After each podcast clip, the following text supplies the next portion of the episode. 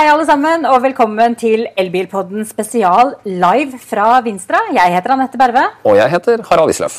Ja, Harald, vi har faktisk tatt turen ut av studio. Ja, eh, hjemmets lune rede, eh, må man vel si. Og eh, uteproduksjon igjen. Sist gang var Arendalsuka, og før det har vi vært i Genéve. Det var det. Nå har vi dratt til Vinstra. Nå er vi ikke lenger enn til Vinstra. Vi er ikke lenger enn til Vinstra, men vi er da ute på årets store rekkeviddetest sammen med motor. Vi har tatt med oss 21 elbiler ut på veien for å se hvor langt de kjører, og hvor raskt de lader. Og dette er jo en ganske spennende test som vi har holdt på med noen år nå. eh, Med, hvor vi skrur til stadig.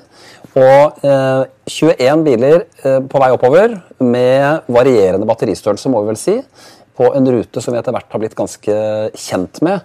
Og eh, først og fremst, Anette, hva slags eh, Dette her er varierende kjøring. ikke sant? Det er både bykjøring, og så er det landevei, og så er vi oppe på fjellet også. Dette er det vi kaller en helt vanlig norsk kjøring.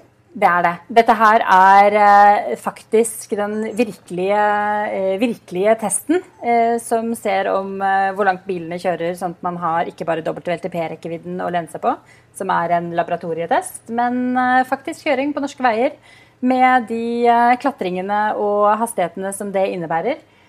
Peter Aum, redaktør i Motor, du er jo vår faste samarbeidspartner på disse testene.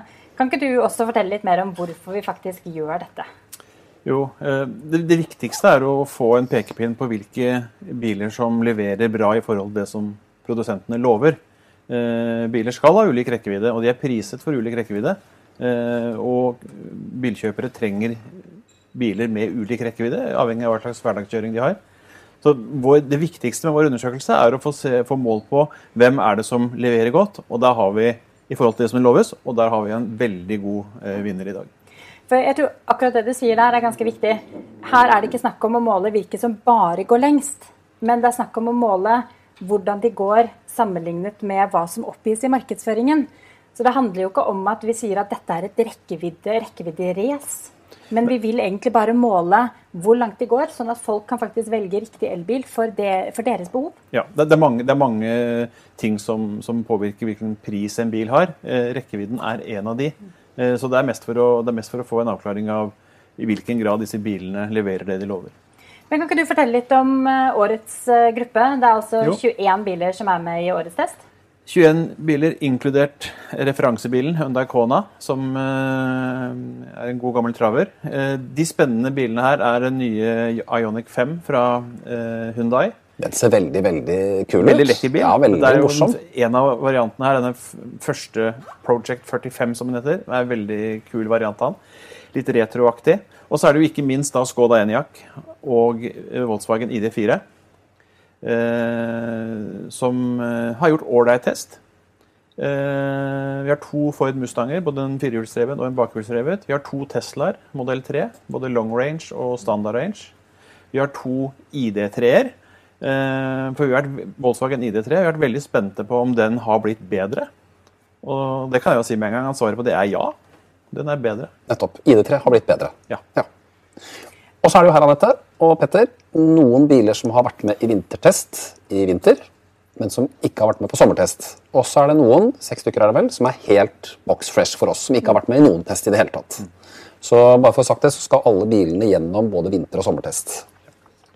Og du Peter, du har jo eh, samtidspublisert resultatene for eh, årets eh, testgruppe. Hvordan er det de faktisk har gjort det i dag? Ja, det vil si at jeg, jeg holder egentlig på. Eh, For da jeg satte meg ned der for fem minutter siden, så, så gikk modell 3-en og eh, den bakhjulsdrevne Mustang Mach-1 fortsatt. Det er mulig de har stoppet nå, men da begge, hadde begge gått inn på, med 0 på jetometeret en stund. Eh, Men det som er helt tydelig, er at den bilen som vi hadde best resultater med i vintertesten, den gjør det også veldig veldig godt i sommertesten. BMW iX3 bakhjulsdreven SUV fra BMW.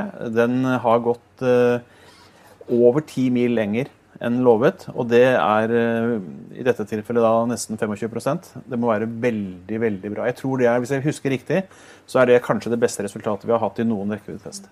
Og selv om da mange av bilene i årets test gjør, kjører bedre enn det WLTP oppgir, så er det ikke nødvendigvis gitt at alle da har kjører like langt over WTP. Den er enn så lenge i en egen særklasse. Ja. Og så var det overraskende gode tall også på den stilige Audi E-tron GT? E-tron GT. Den gikk eh, 528 km. Det er 60 km lenger enn lovet. Det var overraskende. Eh, men eh, det er jo en bil for de vel bemidlede. Den koster jo en god million. Ja, for dette er, eh, vi, må jo si, Her er det biler i alle prisklasser. Eh, og igjen dette med at eh, her er det ikke den som eh, kommer lengst, det er ikke noe race, som du sier, Annette, men det er dette som vi vil gjerne at forbrukerne skal ha et forhold til dette. At det, når det er markedsført at bilen har en sånn og sånn rekkevidde, så er det faktisk det som holder stikk. At det stemmer ganske godt. Og derfor denne ruten, som sikkert mange debatterer, det er kjøring for folk flest i Norge. Og Vi vet jo at denne ruten som vi kjører, den er oppe til diskusjon hvert år som vi gjør denne testen. Med tanke på at det er ikke en såkalt høydenøytral eh, test. Vi eh, starter i Oslo, og den avslutter jo potensielt opp på Venabygdsfjellet. Eller de bilene som kjører lengre, kjører jo enda en runde. Men samtidig så er det jo verdt å huske at dette er ikke en teoretisk test eller en vitenskapelig test. Dette er en praktisk test eh, som gjør at du kan se hvordan bilene kjører i kanskje et typisk eh, strekke som du selv kjører til og fra hytta. Og i Oslo, eller i Norge, så har vi fjell. Mm. Så det betyr at har du en bil med lang rekkevidde, så treffer du jo til slutt på et fjell. Ja. Det kan man si at det er en, altså en potensiell svakhet med den testen er jo at den har lite bykjøring. Eh, det er jo en strekking gjennom Oslo, så ca. fem mil gjennom Oslo. Eh, men det er de tre småbilene som er sånne rene bybiler, altså Fiat 500, Honda E og, og Mazda MX30, de har alle gått lenger enn oppgitt. Helt ålreit test. Uh, uten virkelig noen virkelige klatreetapper, bortsett fra veien opp til Lyngaseter. Da så det jo som de skulle hente seg en kranbil, alle tre. Uh, men, men, de kom seg til Gjøvik, og vel så det. Lillehammer. Og, og, og, så er, De har i høyeste grad bestått testen. Altså. Og Da kan det jo kanskje også nevnes at du ble ganske sjarmert av Honda 1, eh, Petter? Jeg syns Honda 1 er helt fantastisk. Den går dessverre ikke så langt, men den er jo vidunderlig deilig å kjøre. Men rekkevidde er ikke alt for alle? Nei, tenker, men samtidig tenker jeg folkens, at uh, dette om at elbilen er en bybil, det har vi liksom lagt, lagt dødt. Det er egentlig historie. Det er rekkevidde utover byer i dagens elbiler det, det rekker vi utover byer, men det er utrolig viktig at, at, ikke, at man ikke forlater den, den tanken på at altså, folk har ulike behov med bilene sine. Det er ikke noe riktig eller galt om biler. Hvis du, hvis du har eh, to ridehester og trenger å frakte dem fra ridestevner, da kan du ikke kjøre noe Da er denne Honda 1 ubrukelig. Men det er veldig få som har hester som skal fraktes noe sted. Mange, de fleste folkene i Norge de bor i tettsted, de bor i by. For dem, mange av dem vil en Honda E være helt ypperlig. Men her prøver vi å gi svar på i hvilken grad leverer de det de lover. Supert, Petter. Jeg tror vi skal la deg komme tilbake til uh, oppdateringen av artikkelen på motor.no. Han er revet ut av arbeidet sitt og sitter med en uh, kommunikasjonsapp for å få koll på resten av folkene. Men nå, vi, vi, kan si så mye at nå begynner vi å, å nærme oss slutten. Det blir samme vinneren. Eh, en av de to bilene som gikk lengst i vintertesten, går også lengst i sommertesten. Nettopp. Tesla Model 3 eller Ford Mustang Mach. Ja, det er spennende, altså. Hvem er det som vinner til slutt? Det... Husk å gå inn på motor.no hvis dere trenger, og hvis dere vil gå inn og se på de siste oppdateringene. Der er det info om forbruk, eh, batteriprosent og alt du skulle måtte vite. På naft.no kan du også ta og lese mer om alle bilene som er med i testen. Petter, da lurer jeg på om du skal få lov til å overlate stolen til Øyvind Monn Iversen, en av testsjåførene våre.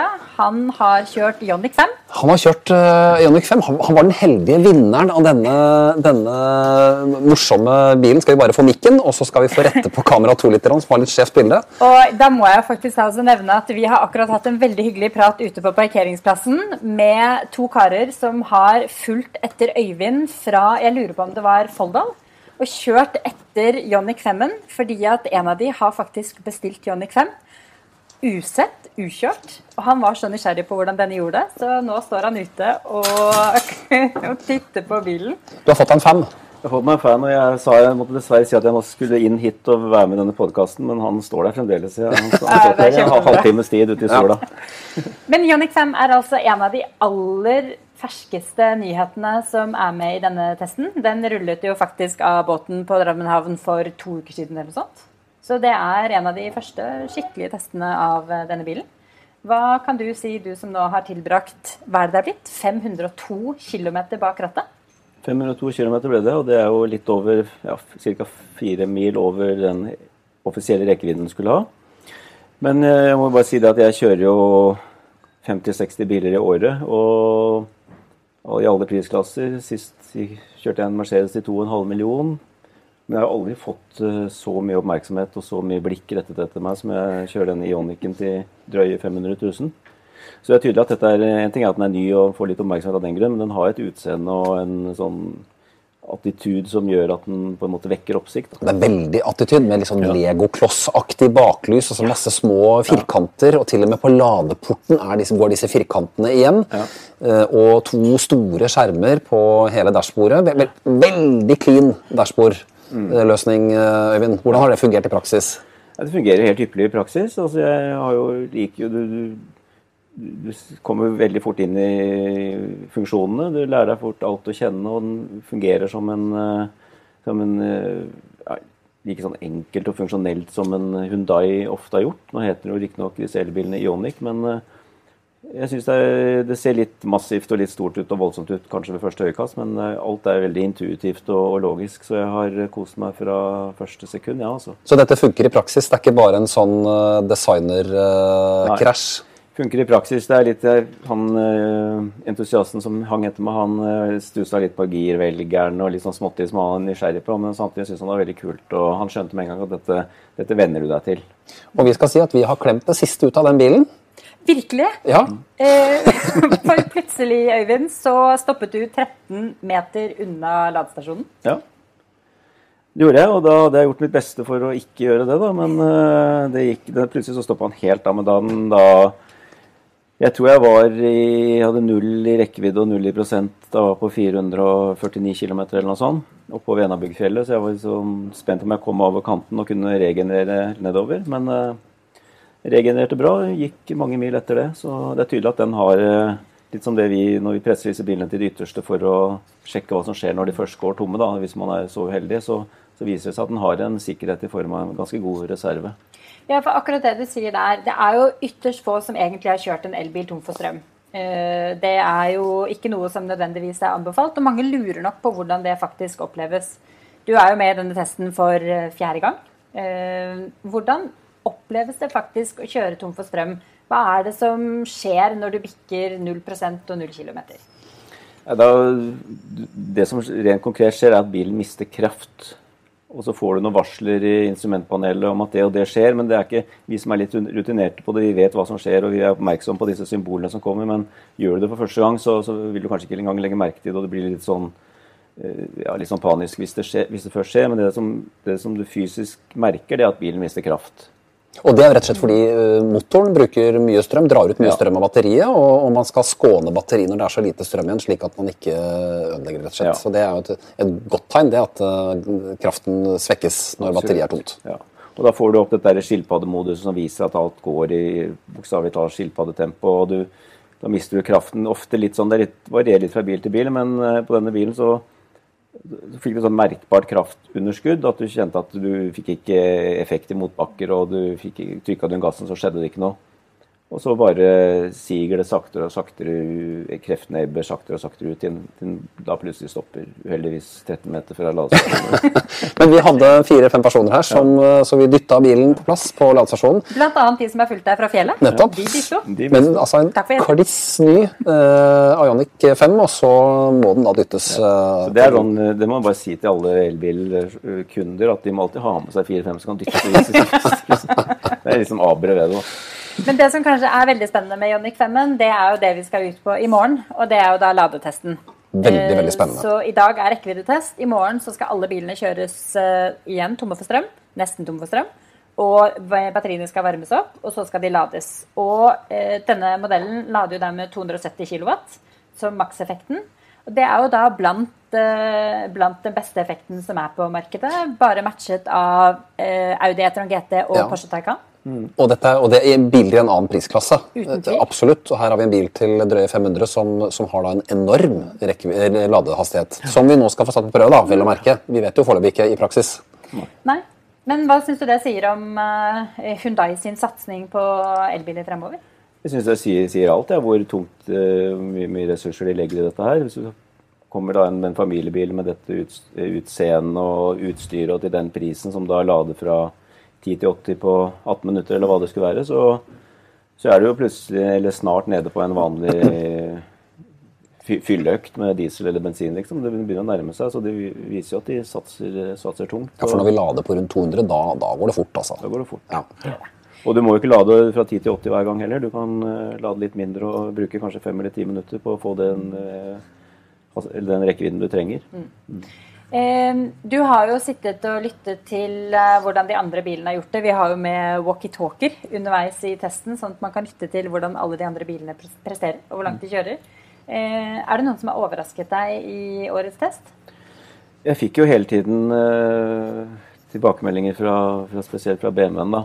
I X3-en? I X3-en, ja, som jeg syns imponerer voldsomt. Og så får du også da bekreftelser på hvor bra Tesla gjør det. sånn forbruksmessig, men spesielt de to bilene, så er jeg litt så, også litt glad på, på, hvis jeg kan si det sånn, på Volkswagens vegne om på at eh, det virker som ID3-en har gått gjennom en fra å ha alle disse barnesykdommene, og så er den i ferd med å friskmeldes etter et x antall oppgraderinger. og det virker som de to, uten at jeg har full oversikt, så virker som de to ID3-ene også, også gjør det bra. og Det er litt, litt morsomt, for det er en bil som har fått eh, som vi, vi som har kjørt den og delvis eid den, vi vet at det er en veldig fin bil sånn isolert sett, men den har hatt sine problemer. Og det er jo, det er jo programvaretrøbbel, dette her, ikke sant? Ja. Som, eh, som har rammet ID3. Ja. Ja. Så hvis det er luket ut, og du også slipper den programvarefeilen på, på en ID4 og en Skoda Enyaq og en, eh, og en Cupra Born som kommer, ikke sant, så har de plutselig et sånn utvalg av elbiler som er, som er virkelig bra. da. Så skal vi bare si, dere som eh, ser dette i opptak, eh, ser eller hører dette i opptak, så eh, har vi resultater og, eh, både på lading og rekkevidde på NAF.no og på motor. Eh, bare så det er sagt, da, i og med at vi nå er live herfra. Da, Øyvind, da lurer jeg på om du skal få lov til å gå tilbake til Ioniq 5-en og se om du er ferdigladet? Ja, ta, ta med av disse stalkerne mine litt. Rett og slett. Du får hilse, du får hilse dem. Da eh, skal vi overlate stolen til eh, Lars Ketil Bjørnå.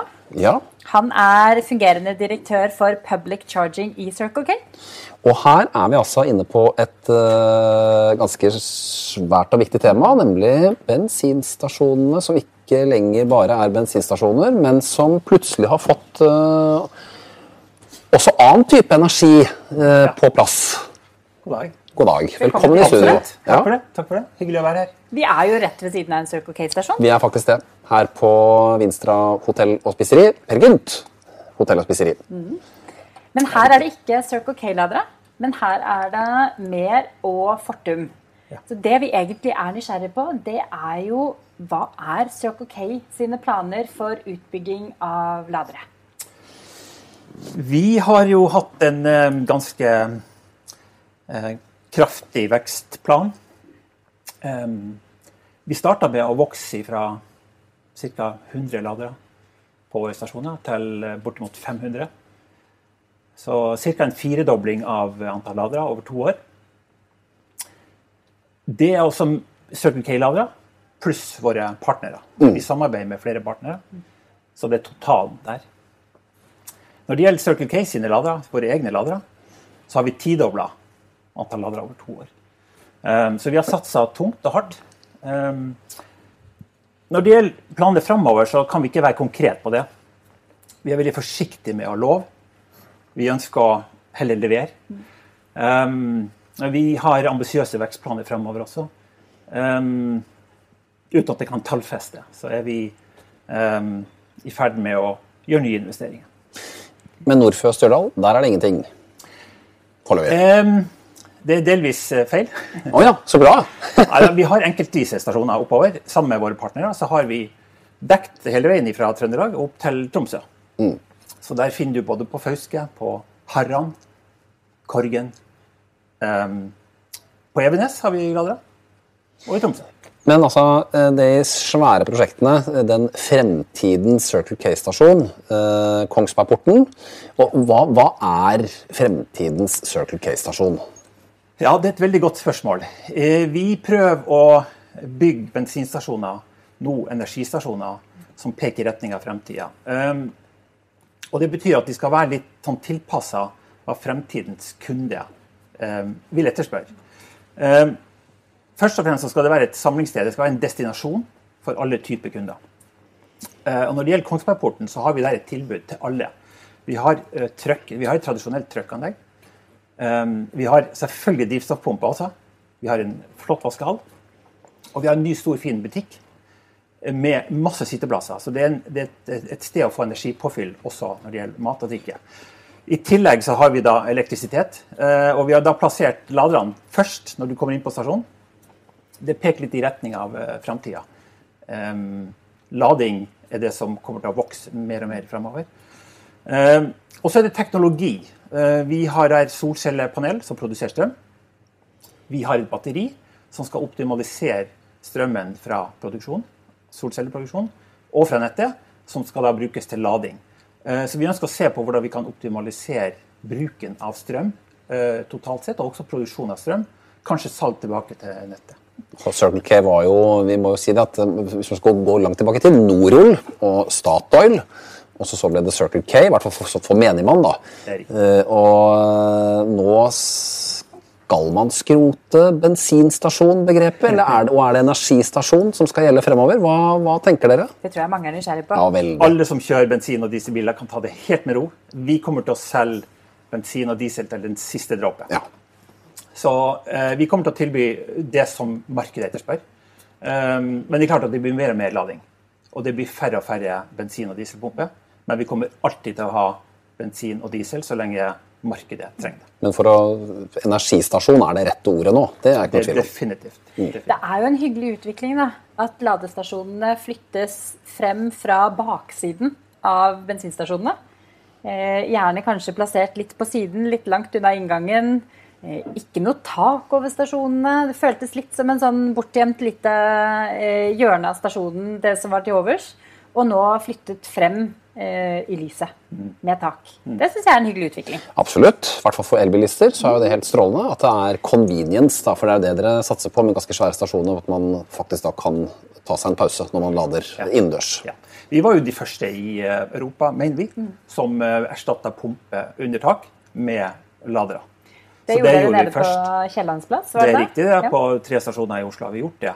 Um, så det med tak er jo en sak som har vært diskutert. Um, Kongsbergporten har tak. Ikke alle våre ladestasjoner har tak. Uh, og det er jo noe vi vurderer fra anlegg til anlegg. Men jeg tror nok man vil se en kombinasjon uh, framover. Noen får tak, andre ikke. Eh, I dag er vi ute på rekkeviddetest. Elbilene går stadig lengre.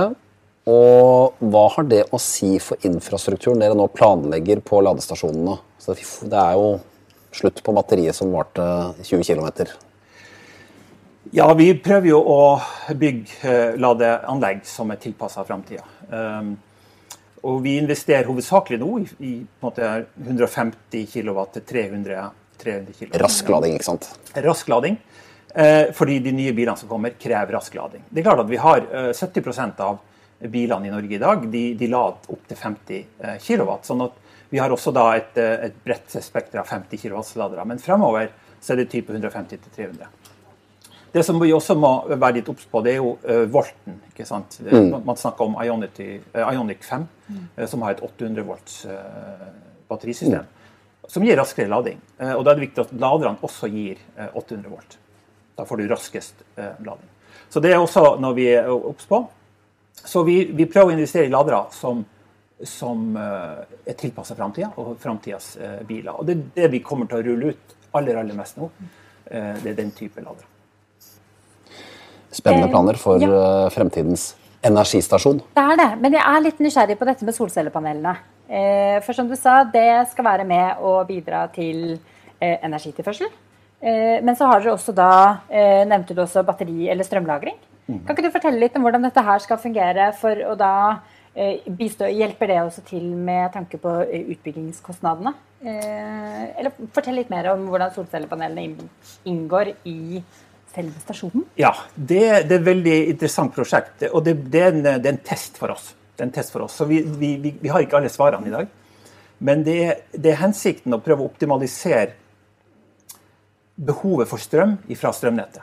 For vi vet at det er en begrensa ressurs med, med strøm fra strømnettet. Kapasitet, og kanskje også på kilowattimer til tider. Um, så uh, det vi prøver å se på, det er jo hvor mye, eller hvor lite strøm trenger vi fra nettet for å kunne drifte uh, et visst antall ladere, hvor også solcelleproduksjon kan bidra. Solcelleproduksjon er aller best når du kan ta vare på den strømmen på et batteri, sånn at du kan bruke det når det er best å bruke, bruke strømmen. Ikke når, akkurat når den produseres. Så det er en test for oss for å se hvordan vi får til et godt samspill eh, for å ta godt vare på naturressursene. Men også økonomisk sett så tror vi dette kan være gunstig for oss og for nettselskapet. Det er et samarbeid med, med Glitre, som er nettselskapet i, i Kongsberg-regionen. Eh, Så vi skal sammen prøve å lære om hvordan dette kan være best for oss, for Glitre, og for samfunnet. Veldig interessant. Veldig veldig spennende prosjekter Ja. på eh, Fremtidens energistasjon. eh, Som da ikke lenger bare er en bensinstasjon. Det er det. Men nå har dere jo da to år bak dere med erfaring med hvordan folk lader. Og hva er det dere har gjort av erfaringer de siste årene? Eh, hvordan lader nordmenn? Gjør vi ting riktig? Eh, Det er et interessant spørsmål. Jeg tror vi er alle på en veldig bratt lærekurve når det gjelder lading. Um, Vi har lært masse. Um, Jeg tror alle aktørene som er altså bilforhandlere etc., har lært masse. Og ikke minst kundene har lært masse. Men det er fortsatt mye igjen å lære. Jeg tror en, en, viktig, eh, en viktig sak eh, når det gjelder elbilisten, så tror jeg jo bedre forberedt elbilisten er før man eh, legger ut på tur, jo bedre. Eh, les seg opp på informasjon som eh, er tilgjengelig. Hvordan skal man f.eks. hurtiglade? Forberede seg på turen. Eh, så, er, så er mye løst. Eh, jo mer informasjon, jo mer kunnskap man har om elbil og om lading, det gjør uh, turen mye mer behagelig. Det verste som er, det er at man ikke forbereder seg og står der ute og har problemer eller ikke skjønner hva som skal gjøres. Det gir en dårlig tur, en dårlig opplevelse. Så det går an å gjøre noe med det. Og jeg tror eh, vi som operatør og, og ladetilbyder eh, har litt å, å gjøre der på å informere våre kunder. Bilforhandlerne har definitivt en del å gjøre for å fortelle eh, nye elbilister om hvordan de skal bruke bil. Eh, og elbilistene sjøl må ta deler, deler av ansvaret. Tar elbilister det ansvaret? Eh, Både og. Vi, eh, I forbindelse med åpninga eh, av vår stasjon, vår nyeste i fjor, nyeste stasjon nede på Bamble, eh, så brukte vi mye tid ute ved laderne. Og da observerte vi at det var veldig mange nye elbilister som kom dit og skulle hurtiglade, som aldri har gjort det før, og som aldri hadde forberedt seg på hvordan de skulle hurtigrad. Eh, Og det blir en sånn dårlig opplevelse. Det er klart Vi gjør vårt beste for å guide eh, eh, kunden i den situasjonen, men kunden kunne med fordel ha forberedt seg bedre. Da vil opplevelsen ha vært mye bedre. Så jeg tror noen er godt forberedt, og noen har mye kunnskap. Men mange har veldig lite kunnskap, og det er litt dumt. Ja, for det, eh, jeg må jo si at eh, vi ser jo til stadig eh, når vi er ute og gjør ladetester og kjører på disse testene også, så ser vi gjerne biler som lader med lavere effekt. Gjerne eh, 30-40-50 kilowatts, eh, eller biler som lader med effekt i den, den kategorien, som står og lader på lynlader. Og sett at det står inntil 150 kW på lynladeren, og tenker ja, men det er jo supert, da lader jeg raskt. Og så er de ikke klar over at bilen, Bilen takler ikke det. Nei, nettopp. Eh, Jeg tenker at Her er vi tilbake til en eller annen gang på 80-tallet. så var Når den blyfrie bensinen uh, rullet inn i pumpene, så var det jo masse feiltanking og, og ramaskrik. Dette er jo ting som vi er så vant til. Å fylle bensin på den måten som blir gjort. Og så kommer det noe nytt, og så gjør man masse feil. Og Nå er vi inne i en fase hvor liksom må uh, lære oss det er dumt å lade på en lynlader når bilen ikke klarer å ta imot strømmen. Det er jo penger ut av vinduet. Det er jo god butikk, men eh, det, det, Det er det, er veldig dårlig for kunden. Det er riktig, så sånn sett så gjør det ikke oss noe, men samtidig så prøver vi også å, å, å lære kunden til det, og, og gjøre det riktige valget, fordi det er gunstig for kunden. Eh, så det, men det er en del av den læreprosessen vi skal gjennom. eh, tenker jeg. Så det her kommer, det er også noe med å være litt tålmodig. Jeg tror både vi eh, som operatør eh, og, og ikke minst ladekunden også eh, med fordel kan være litt tålmodig her. eh, og si at det dette går seg til. Eh, vi må sammen oss samarbeide om eh, mer læring, men etter hvert så går det her seg til. Eh, husk på, Vi har holdt på i 100 år pluss med bensin og diesel, med lading. Tre, fire, fem, seks år. Vi er helt i starten av en lang, lang historie her. Det vi jo vet mange er nysgjerrige på og lurer på, det er, og etterlyser, er hvorfor kan man ikke betale med kort? Det, ja, men den, den ser vi stadig går igjen. Ja, hvorfor måtte du spørre om det? Eh, det, er- det er et godt spørsmål, eh, fordi det har vi jo på alle våre bensin- og dieselpumper. Eh, Og så er det da sånn at eh, eh, in- industristandarden på Ladra ikke har vært med eh, en gammeldags kortterminal, men derimot en ny app og RFID-ladebrikkestandard. Man har ikke gjort det like enkelt for forbrukerne. Altså, det, er, det har vært eh, mye frem og tilbake og forskjellige løsninger. Og jeg ser det argumentet fordi at alle har vært vant med eh, det betalingskortet. Som har vært veldig praktisk, veldig robust, veldig enkelt å bruke. Um, men uh, så er det da sånn at når du først har registrert deg hos en ladeoperatør, og har registrert en ladebrikke, så er den ladebrikken enda enklere enn bensinkortet. Så det er også noe med å forstå hvordan kan man gjøre det enkelt for seg sjøl det er riktig at det er ofte en registrering her som du ikke trenger med, med betalingskortet. Men først, når du først har registrert deg hos Circle K, hos de andre eh, operatørene, og har registrert en ladebrikke, så er det veldig enkelt å starte og stoppe ladinga med den ladebrikken. Så, Når du først har gjort ja, registreringen. Ja, det er helt riktig. Det er helt riktig. her jobber vi med løsninger i NAF også, det skal vi jo ikke legge skjul på. Det blir spennende å se. Det blir det. Eh, kan forbrukere vente noen litt enklere betalingsløsninger i fremtiden? F.eks. dette plug and charge, som Ja. man har hørt om, hvor bilen snakker med ladestasjonen. Og så starter ladeprosessen og betalingsprosessen egentlig litt eh, mer av seg selv. Det, der vil jeg svare ja. Vi er ennå ikke der. Fordi det er noen standarder her, og det er noe at bilene må være forberedt og laderne må være forberedt. Men Tesla har jo hatt det i alle år. Eh, og det kommer nå. Ionity har jo begynt å se på, på det, på, på Porschen etc. Det kommer. Det bare tar litt tid, for det er, det, det teknisk sett litt komplisert. Eh, men når vi får det på plass, og det, det kommer på plass etter hvert, så blir det ytterligere enklere for, eh, for ladebilisten. Men det er litt som teknologien har løpt litt for fort i, i en del tilfeller, hvor, hvor forbrukeren sitter igjen med litt forvirring og får det ikke til. Det er riktig. Det er både på ladesida, men også på elbilsida. Dere snakker om at en del av elbilene de kommer for tidlig på markedet. Det er for ny teknologi, den er ikke ferdig uttesta. Det samme på, la, på lading. Vi er helt i starten, og du kan si at teknologien er ikke moden ennå. Um, vi har en artikkel på, på circlek.no om hvorfor, hvorfor virker ikke hurtigladeren. Det er altfor mange hurtigladere som, som, som stopper pga. en eller annen feil. Teknologien er ikke moden. Dette kommer til å bli bedre og bedre og bedre. Så, og Det skal vi jobbe for. øh, og gjøre øh, det vi kan for å få til best mulig løsninger for, for kundene. Eh, ikke i morgen, men over tid så skal vi jobbe med bedre, mer robuste løsninger. Enklere løsninger for våre kunder. Det høres bra ut. Da er jeg bare nysgjerrig på én ting på, på tampen her, før vi slipper til Jan Haugen Ile i Ionity, som jo nettopp skal fortelle litt Apropos om Ionity, ja. charge og, og litt andre ting. Men det er, har du noen gang kjørt tom for strøm eh, med en elbil? Heldigvis ikke. Jeg kjører en e-Golf, så jeg må passe på. Jeg kjører ikke så langt. Men eh, ikke tom. Nei.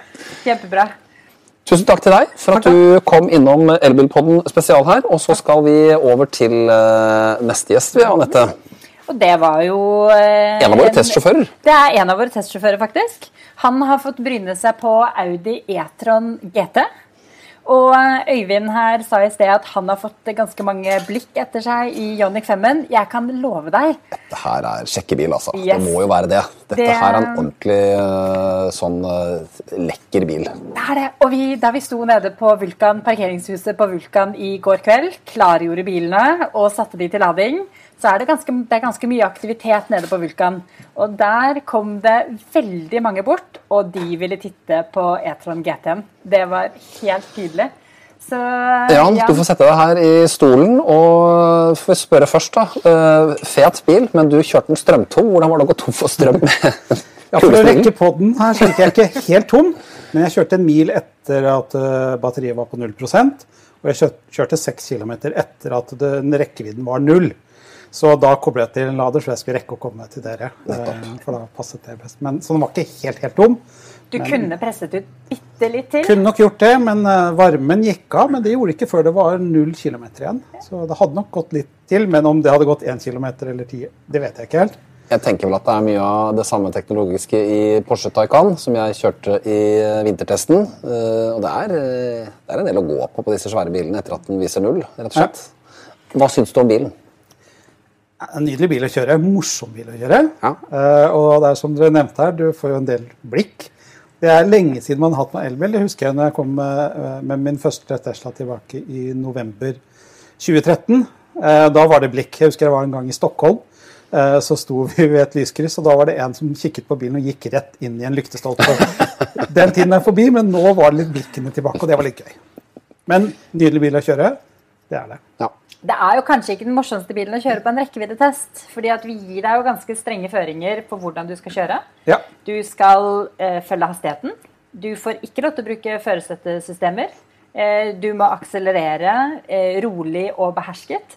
Det er jo kanskje en bil man har lyst til å teste akselerasjonen litt på, men det får du gjøre i morgen. Det får jeg gjøre. Altså, jeg hadde en liten lufttur før vi kjørte rekkeviddetesten, så jeg har fått, eh, fått prøvd litt. Ja. Ja, har det.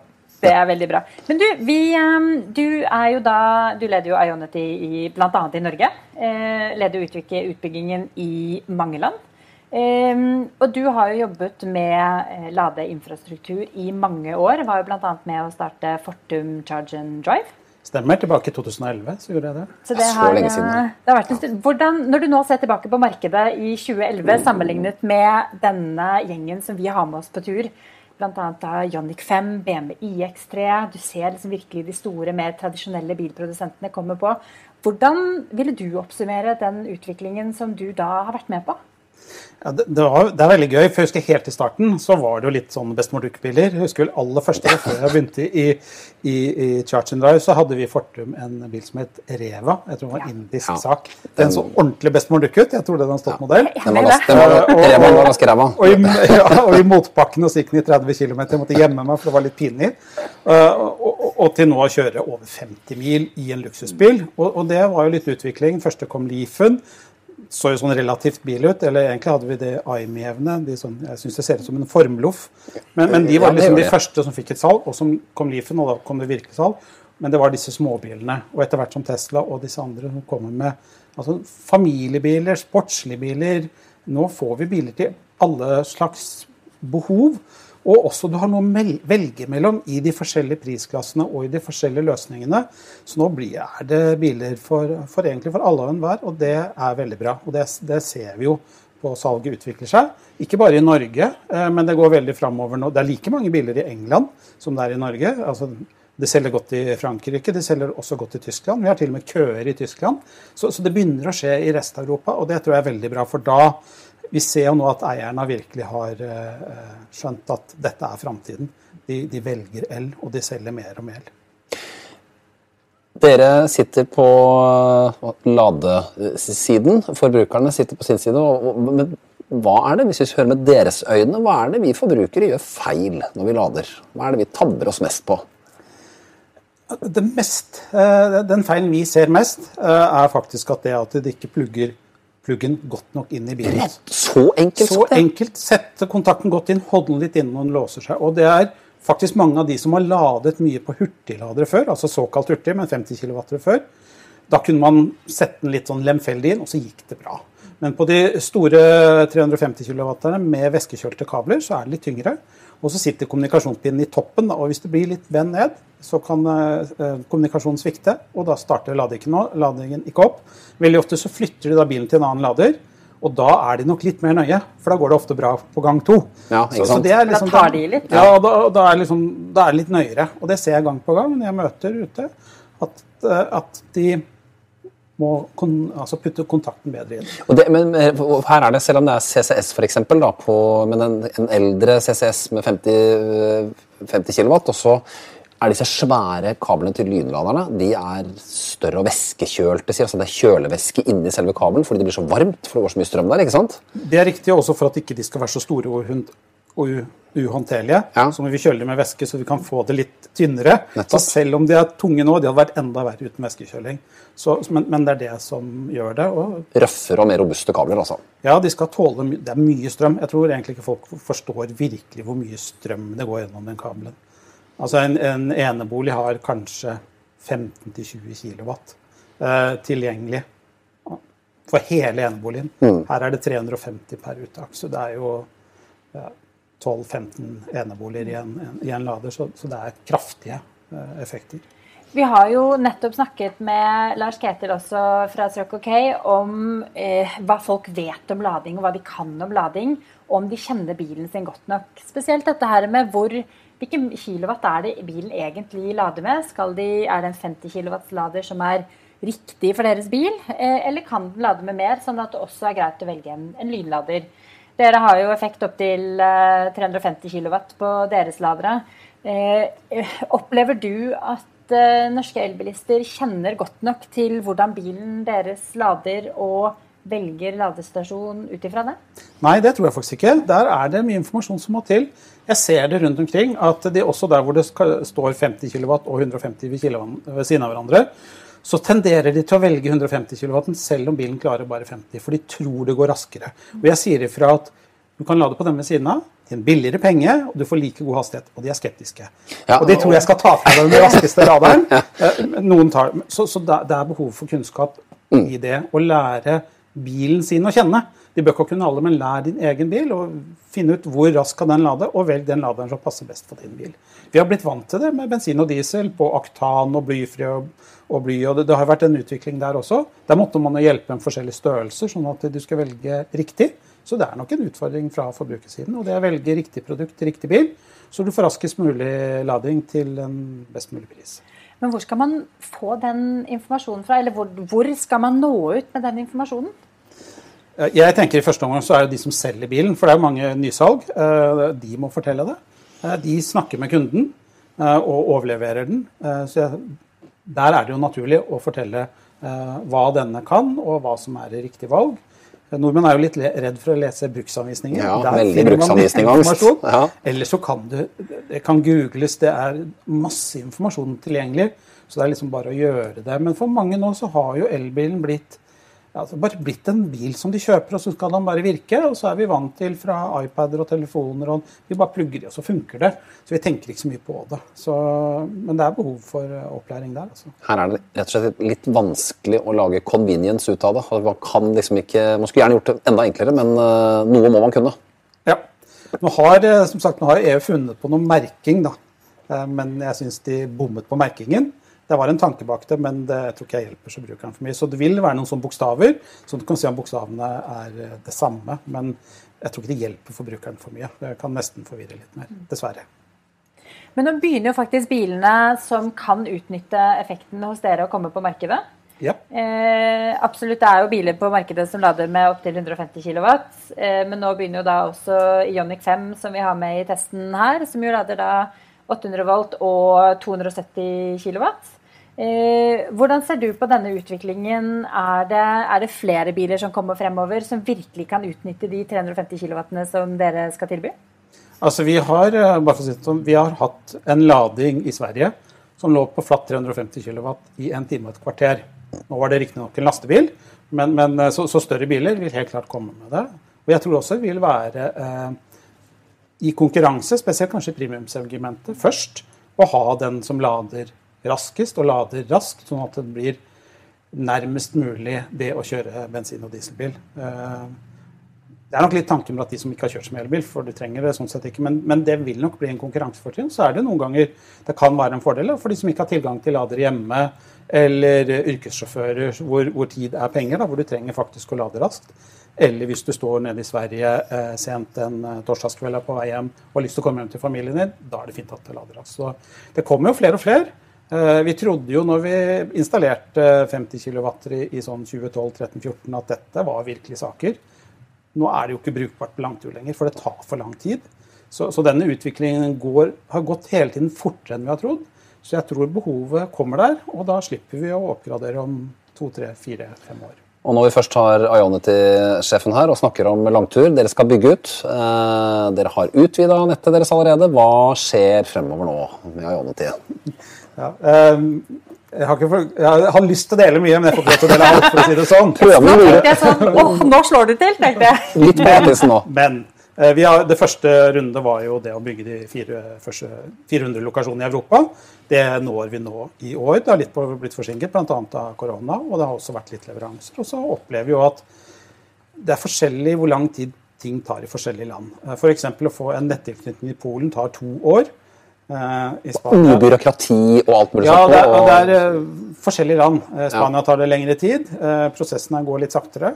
Eh, England er også veldig utfordrende å få nok kapasitet. Så det, det, det har gjort det litt utfordrende i noen av landene vi jobber i.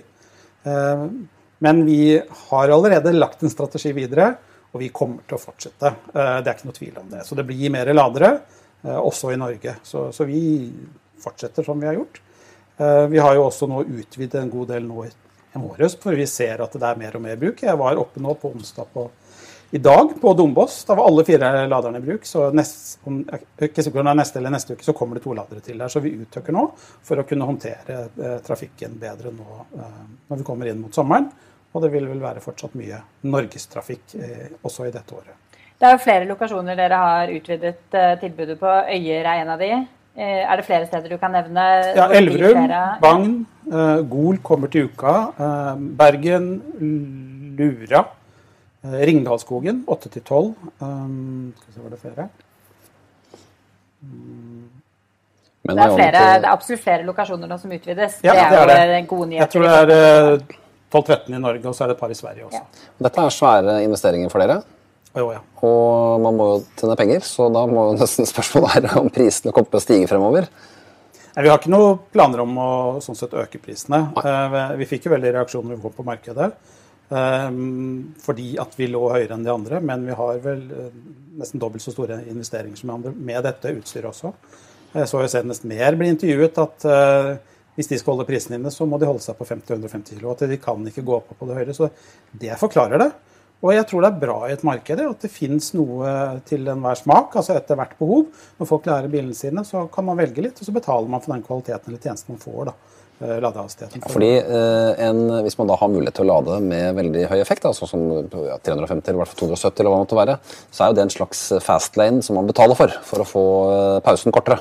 Det er det. det er det. Men frem til nå også så eh, har jo ikke dere helt hatt en nevneverdig app-løsning å lade via. Det har vært en QR-kodeløsning og en litt fiklete registreringsløsning på, i en type app-løsning.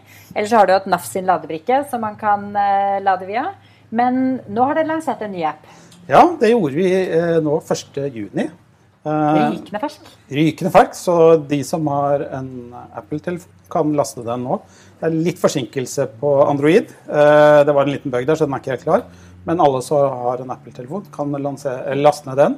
Eh, Den gir veldig god informasjon til forbrukeren, men dette er for dropping-kundene. Så det er, det er fortsatt på hva skal vi kalle det, den dyreste prisen. Men det som er fint når de bruker den appen, de kan følge og se hvor, se hvor mye det koster minutt for minutt. Så de kan stoppe den på 100, 150 eller 200 kroner.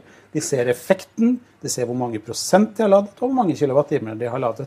Og de kan få en varsling på 80 for eksempel, hvis de vil stoppe. da. Så det er veldig god forbrukerinformasjon. og er, Så appen er bra. Jeg har testet den nå i, i god tid. Det som har tatt lengst tid med den, er at vi er i 24 land, og vi må ha betalingsløsninger som virker i 24 land. Og F.eks. Portugal er det en helt sær løsning.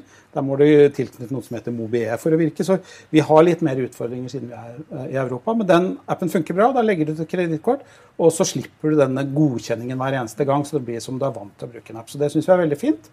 Og så er det selvfølgelig mye tilbud gjennom våre eiere. De som kjøper biler der, får gode priser. Eh, Virkelig gode priser også. Så, og det er som vi har satt opp med en såkalt eh, CPO, eh, Charge Point Operator. Vi skal bygge ladeverk og drifte det. Og så er det noen andre som selger ladeavtalene våre. Nå I første runde så er jo det våre eiere. Men det er også åpent for alle, eh, enn så lenge til en høyere pris. Og så kommer appen vår nå med en drop-in-pris. Og så får vi se litt hva slags produkter. Kanskje kommer det mer spennende til høsten. Men du forstår at mange syns at terskelen her er høy for betalingsløsninger? At det, er, det har vært mye forskjellig, og så er det man må registrere seg masse steder, og så er det brikker og apper og alt mulig sånt. Det er en ganske høy terskel, kanskje spesielt for den eldre garde? Det er det, og det er ikke noe tvil om det. Og vi har kanskje vært verst i Norge. For i de andre landene så har de knyttet seg til roamingtjenester eh, som Hubject og andre, sånn at du kan da finne én eh, leverandør som selger ladetjenester, og så kan du bruke den hos alle isteden. Nå har de valgt det også i Danmark. Alle operatørene i Danmark har gått sammen og eh, lovt da staten at de skal være en del nå av Hubject. Så hvis nye operatører kommer og har et lite nettverk, så kan de også gi tilgang til det hele. Det gjør det enklere for forbrukeren. I tillegg nå så kommer jo, har uh, Taycan allerede lansert, pl lansert uh, plug and charge. Og da er det jo bare å plugge inn Altså og lade. te Tesla-varianten, da, på en måte. Ja, Tesla-varianten er ganske enkel, for da har du bare ladere til deg selv. Og had, skulle vi bare hatt ladere til Taycan, eller, da hadde vi hatt det fra dag én. Men når du skal få dette til å virke på et åpent marked for mange forskjellige bilfabrikanter og forskjellige konfigurasjoner, så er det litt mer jobb med å få det til å fungere. For én-til-én-forholdet er lett, én-til-mange er mer utfordrende. Men Taycan, der funker det. Og flere av de andre eierne våre har kommet med det nå, rett rundt hjørnet. Det er jo etterlengtet, vet vi fra veldig mange. Absolutt. Nå går vi jo inn i en uh, sommerferie. Uh, veldig mange skal ut på norgesferie i år igjen. Covid-ferie nummer to. Covid-ferie nummer to. Og var det én ting vi lærte i fjor, så var det at uh, folk er ikke redde for å dra på langtur med elbilen sin. Vi erfarte køer mange steder, spesielt på typiske turistdestinasjoner. Eh, Huber som er utgangspunkt for veldig mange populære turer, ekskursjoner, hva enn det skulle måtte være. Hva er dine beste tips for de som skal ut og lade nå i sommer, eh, spesielt når det gjelder da ditt nettverk? Eh, er det noe, Kan du gi dem noen hemmelige triks som gjør at sommerferien går litt lettere i år? Ja, det er litt ikke dra samtidig med alle andre, for da, da blir det kø. Og det er litt sånn som med veiene våre, så er det også med ladestasjonen. Vi kan ikke bygge til å ha kapasitet for, når, for den høyeste toppene.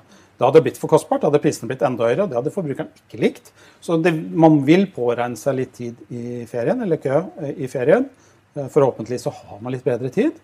Men det kan være lurt da å velge ikke høyutfartsdagene. Men vi, vi, vi må jo se også at det begynner å bli mer trafikk også på hverdagene. Men prøv å dra, eh, ikke dra liksom første fredagen når ferien starter osv. Så, videre. så hvis du kan styre litt unna det, så vil det hjelpe. Det er det ikke noe tvil om. Det er egentlig det klassiske tipset som NAF alltid har gitt eh, under alle utfartsdager. Det er prøv å kjøre til andre tider på døgnet. Andre tider på døgnet. Og legge en plan for turen. Det er hyggelig med roadtrips som er helt uh, i det blå, men uh, med barn i baksetet og sånne ting, så er det litt planlegging. Og kanskje velg omveiene. Der har vi NAF-bøker også om de beste omveiene, som er, eh, kan være gode tips. Og med såpass drøye batterier på bilene, så er det jo ikke noe problem å dra, kjøre omvei lenger. Jeg har gjort sånn eksempel på vinterferien. Jeg drar opp til fjellet på søndag og ned på fredag. Da kjører jeg mot trafikken hele tiden. Kjempefint. Genialt. Veldig bra. Herlig. Da eh, sier vi takk til deg, Jan. Da skal du få lov til å gå og pakke ut av bilen. For du har virkelig kommet rett fra ladestasjonen og lande etter eh, årets test. Yes. Så eh, lurer jeg på om vi skal ta en titt innom motor.no. Eh, fordi at nå tror jeg de aller siste bilene har gått i mål. Ja, det blir spennende å se. Eh, og nå får vi, for dere som følger med oss live nå, så er det altså live eh, hvilke biler som er eh, i mål. Da har alle 21 bilene gått i mål.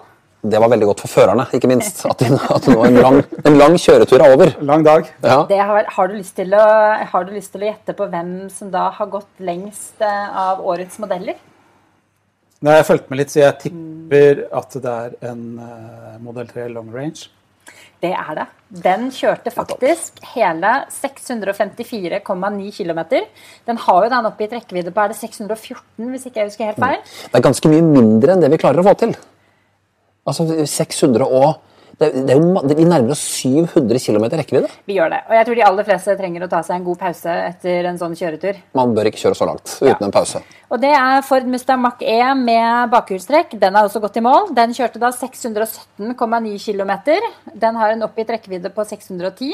Så det er ganske mange av bilene i årets test som har kjørt lenger enn Ja. eh, WLTP. Og det er ingen overraskelse, men det er godt å se. Det er godt å se. eh, Så blir man i hvert fall positivt overrasket over WLTP-tallet og ikke føler seg lurt for at rekkevidden er eh, dårligere. Nå var jo dette to Modell Model 3 og Mustangen var jo battla i, i vintertesten vår også. Eh, Men Model 3 er en veldig energisnål bil. God programvare og varer lenge. Den er det, og det vi jo ser er siden vi testet den for første gang på sommerføre i fjor, så har den jo kommet med såpass mange oppgraderinger og ny batteripakke at rekkevidden har jo økt fra 580 til 614.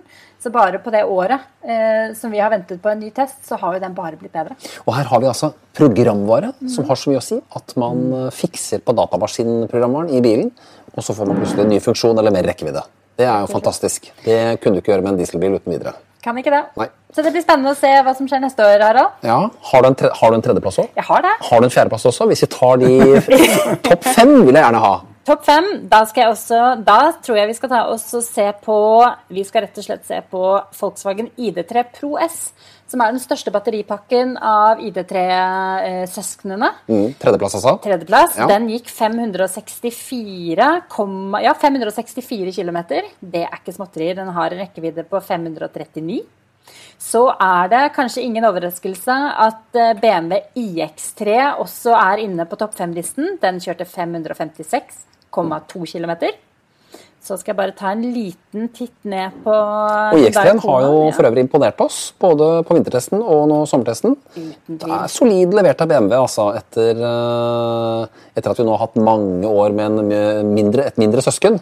At det nå kommer litt større bil som leverer godt og stabilt, må vi vel si. Ja, jeg vil jo si det at det er jo en SUV-modell. Ja. Og de har jo hatt kjennetegn at de har hatt dårligere rekkevidde.